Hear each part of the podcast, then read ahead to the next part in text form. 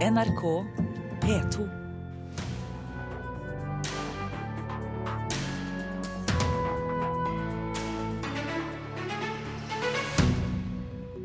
Apples nye strømmetjeneste blir garantert en suksess, sier musikkforsker.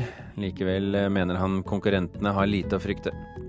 Vi måles ikke på hvor koselig vi har det i operaen, men på hvor mye vi tåler. Tillitsvalgt for sangsolisten Espen Langvik ut mot operasjef Per Boje Hansen.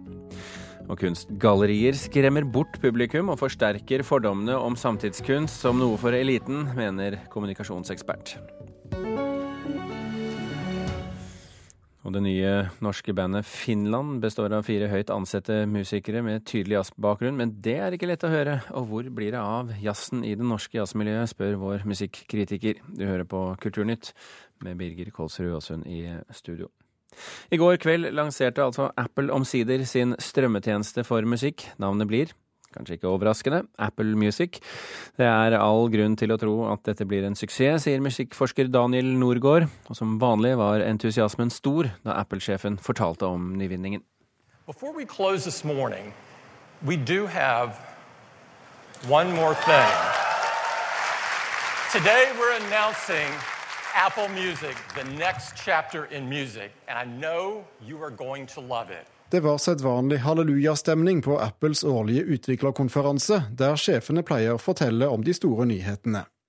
Apple Music er en tjeneste mange har ventet på, og som en ekstra karamell bød Apple-sjef Tim Cook på verdenspremiere på artisten The Weekends nye låt fra scenen i San Francisco.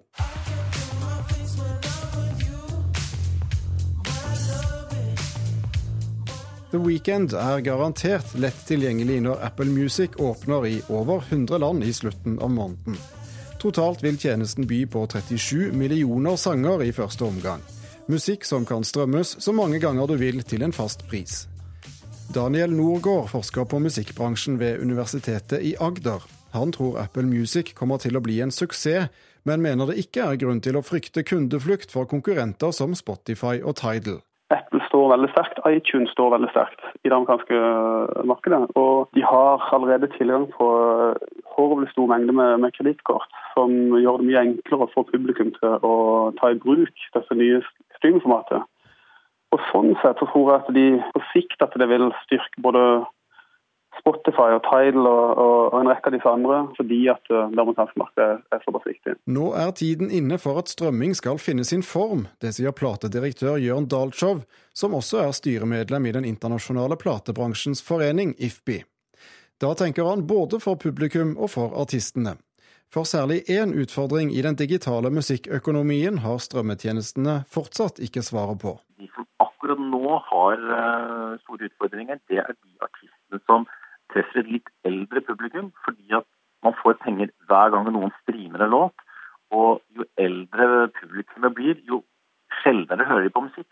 Dolcher er altså glad for at Apple legger prisen på omtrent samme nivå som konkurrentene. Det betyr at maktbalansen i musikkbransjen er omtrent som før. Men når prisen er den samme og mye av innholdet er det samme, setter det andre krav til konkurransen, poengterer Daniel Norgård. Her tilbyr man jo egentlig nesten samme produktet. Eh, så sånn sett så konkurrerer man jo på andre ting.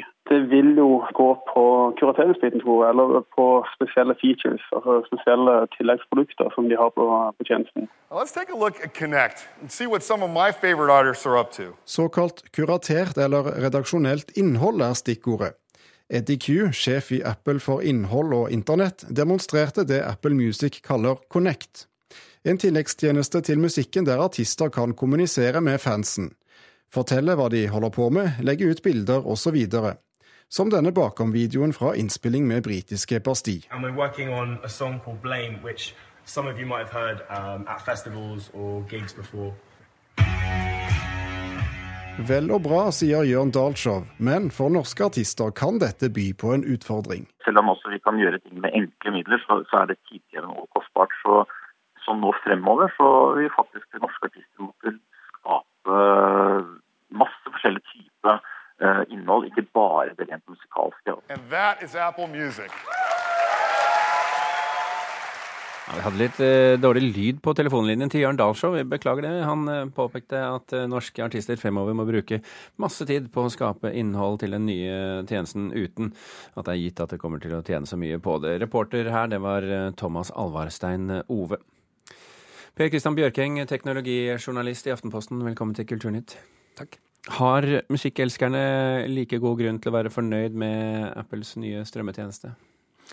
Ja, jeg må si jeg selv var egentlig overraska over hvor solid grep det virker som de tar på dette her. Det er jo overmodent sett fra et eh, norsk perspektiv å starte en strømmetjeneste. Eh, Selv har jeg vel strømma siden 2003, stort sett all min musikk. Så for meg er det klart det Du er litt spesiell, da. Ja, det er litt spesielt, ikke sant? De fleste har begynt med dette de aller siste årene. Eh, nå er det jo 80% av markedet i Norge, og det er klart det er veldig sent å komme på banen. Men hvis du ser på de store internasjonale markedene, så er det fortsatt eh, tidlige dager. Så, så her er det mye å hente, og de gjør det på en måte som er eh, ganske omfattende helt fra starten av. Apple har jo i dag rundt 800 millioner brukere som potensielt sett kan bli kunder av den nye strømmetjenesten. Eh, Kan eh, det bli dette som endrer strømmemarkedet, slik Apple tidligere har endret markedet for musikkspillere, telefoner og eh, nettbrett? Ja, dette er noe som kommer uansett. Eh, Apple kaller det, sier at dette er liksom en revolusjonerende tjeneste. Det er jo overhodet ikke riktig, fordi dette eksisterer jo allerede. Og de kommer jo nå ikke som nummer én med liksom et uh, helstøpt produkt. Men likevel så har de da, når de kommer, klart å bygge sammen eh, ting som konkurrentene ikke har i like stor grad, som f.eks. dette her med personlig musikk, der de har blanda sammen eh, personlige anbefalinger og det som vi kaller for eh, algoritmer. Altså at en maskin prøver å finne ut hva som er din smak. Og du, når du starter opp denne tjenesten, så oppgir du hvem du liker, hva slags musikktyper du liker, og hvem du liker veldig godt. Og sånn. Og ut ifra det så er det sånn, det som nå kalles for big data, ikke sant? som skal eh, tygge på dette her og eh, komme opp med neste sang for deg. Og du skal hele tida sitte og si liker du denne, liker du ikke denne, og sitte og trene musikktjenestene. Eh, Vi forlater musikken litt nå, Bjørking, fordi eh, det var flere ting som var interessant under, under utviklerkonferansen i går. Bl.a. Blant annet det som de kaller Apple News, altså en slags strømmetjeneste for nyhetsartikler. Hva er det, det, hva er det vi vet om det så langt? For oss som er journalister så er dette spesielt interessant, selvfølgelig. Det er en store endringer i, i avisbransjen eh, om dagen. Det som er viktig å merke seg, er at dette er et slags alternativ til det som Facebook lanserte. Alt sammen da foreløpig bare for det amerikanske markedet, som var en, en måte for um, aviser å liksom skape sin um, plass på Facebook på en annen måte enn i dag. Dette her er, ser ut til å være uh, mye mer omfattende. Det skal være tilgjengelig for alle. Uh, ikke bare Det skal riktignok være en godkjenning, men, men du som blogger omtrent, så skal du klare å kunne etablere en sånn kanal, da. Eh, og det som eh, er veldig spennende her, eh, det er jo det at eh, Apple lar avis, avisene beholde 100% av annonseinntektene. Sine egne annonseinntekter. Sine egne annonseinntekter. Vel å merke hvis ikke Apple selger annonsene for dem. Da skal Apple ha 30% Som vanlig. som vanlig. Du, eh, Apple-sjef Tim Cook fortalte jo i, i går at eh, disse appene, altså disse små programmene man har på telefonen, har, er nå lastet ned 100 milliarder ganger. Det er jo nesten utrolig. Det er nesten utrolig. Og det er jo øh, veldig, veldig veldig mange apper for hver øh, eneste øh, iPhone- eller iPad-eier. Så, så at dette og dette var jo ingen som hadde gjort noe i nærheten av tidligere, så dette er en virkelig revolusjon som, som Apple har stått bak. det er vel ikke sånn at Apple skjønte det selv engang på forhånd? Nei, de gjorde overhodet ikke det, og det innrømmer de da også. ja, det, det er moro. Du, eh, Per Christian Bjørking, eh, tusen hjertelig takk for at du kom til eh, Kulturnytt.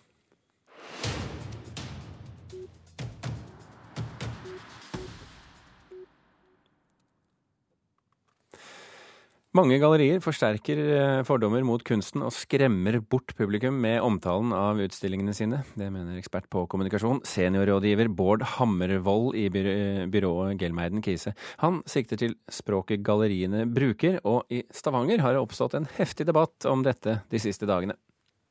For det første når den er på engelsk. Vi er i Norge, og i Norge så må det kunne gå an å kommunisere på norsk. Nei.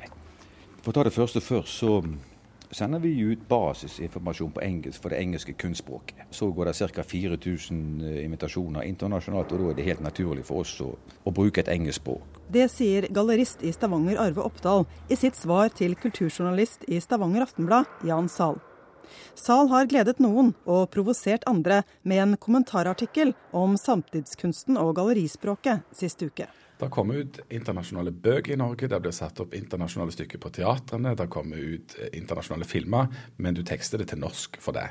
Zahl sikter til gallerienes egne omtaler av utstillingene, den som står i pressemeldinger, og som ligger ute på gallerienes nettsider. Her interest in natural science and her cyclic rather than linear conception of time Som for eksempel hos Galleri Oppdal. exuberance of nature in Brazil, which prevaricates the immediacy of urban digital. Galleri OSL Contemporary i Oslo.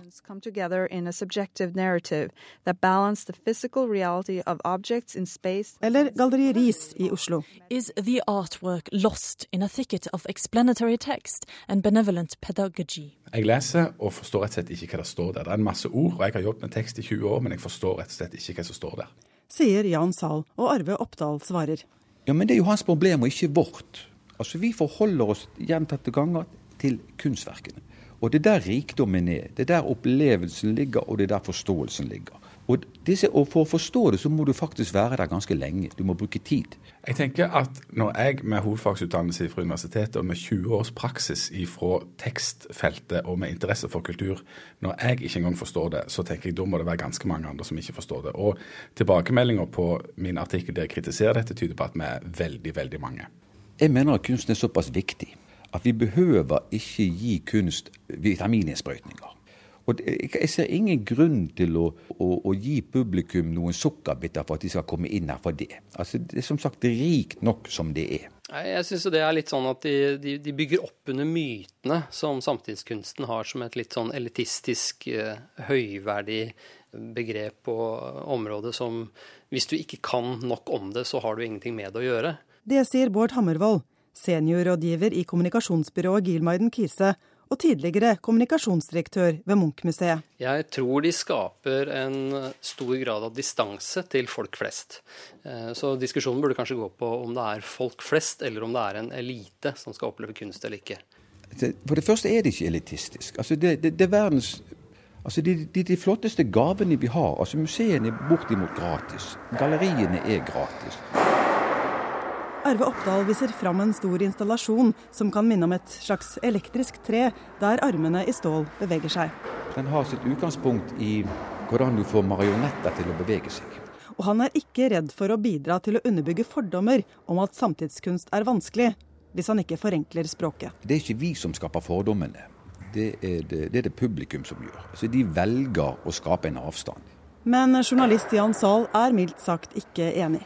Poenget når du har flott og interessante kunst å vise fram, må jo være å få vist den fram, faktisk. Men da må du hjelpe folk inn. Reporter her, det var Anette Johansen Espeland. Og med min lange erfaring her i Kulturnytt, og som har ledet Fredagspanelet flerfoldige ganger, skulle ikke dette forundre meg om det blir tema førstkommende fredag. Klokken er 16 og et halvt minutt over åtte. Du hører på Kulturnytt, og dette er toppsakene i Nyhetsmorgen nå. Mange blir værende på Nav-ytelse i år etter år uten å komme seg i arbeid. Vi må sette opp mer konkrete mål for å få folk tilbake, sier direktør Johan Martin Leikvoll i NHOs attføringsbedrifter. Sammenslåingen av de to store helseforetakene Sør og Øst har ikke gitt noe bedre tilbud til pasientene. Mange av målene med fusjonen til Helse Sør-Øst er ikke oppnådd, viser ny rapport. Og I Malmö i Sverige er 27 personer pågrepet etter skyting mellom to kriminelle gjenger.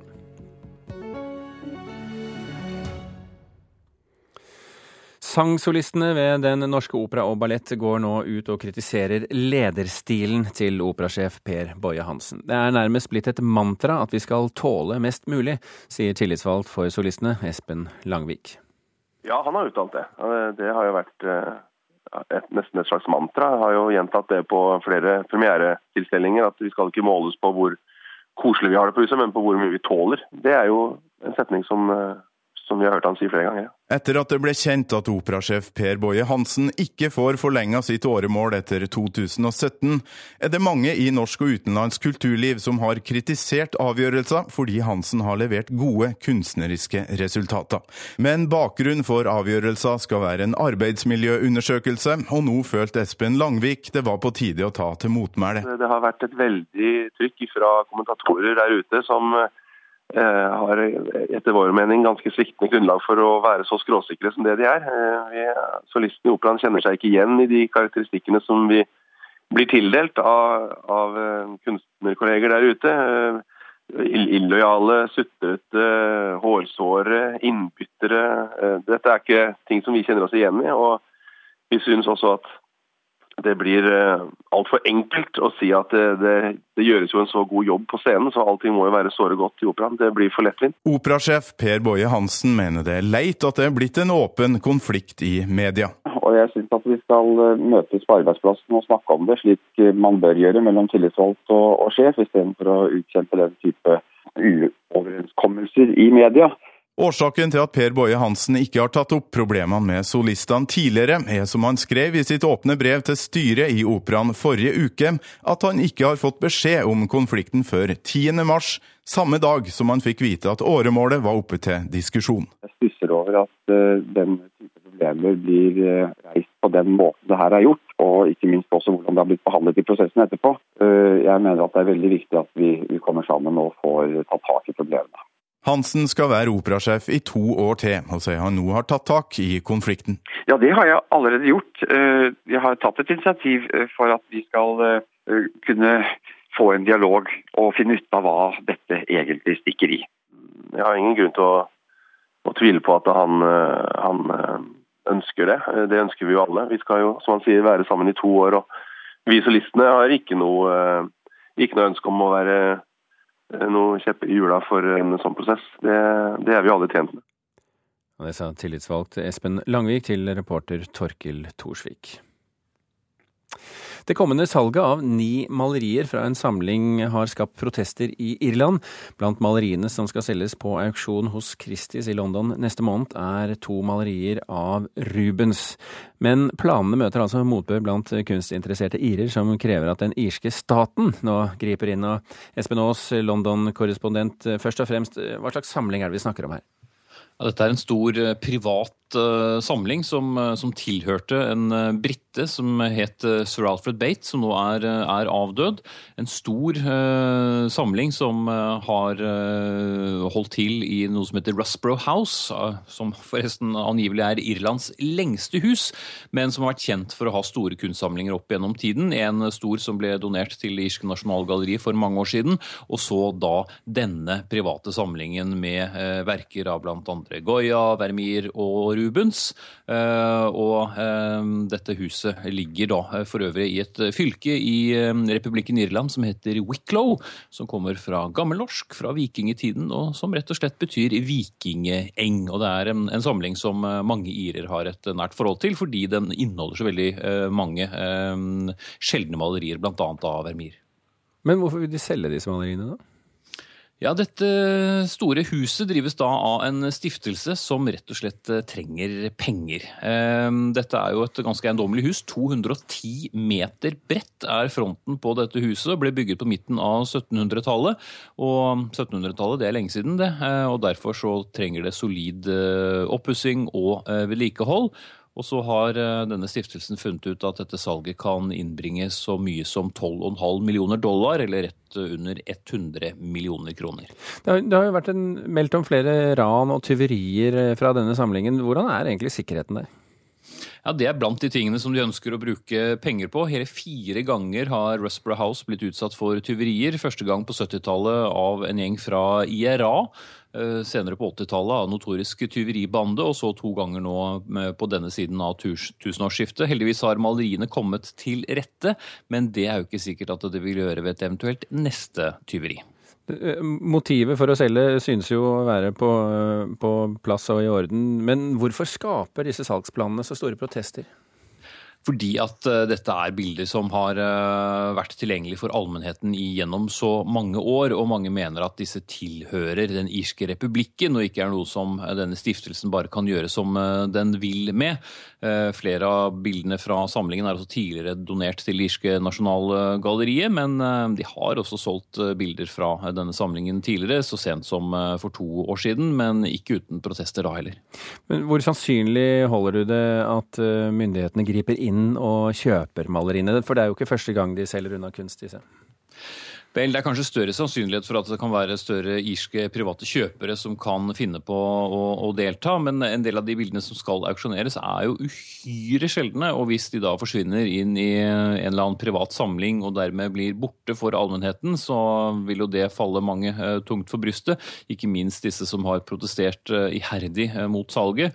noen av dem mener jo også at dette er brudd på de vanlige konvensjonene for salg av verker som, som holdes på vegne av nasjonen. men dersom eh, staten, eh, som ellers har hatt noen tunge økonomiske år, skal gå inn og kjøpe dette, så er det jo snakk om veldig mye penger, og det må jo forsvares på sitt vis. Du får holde oss oppdatert eh, etter hvert som det vikler seg ut, Espen Aas. Takk for at du var med i denne omgang.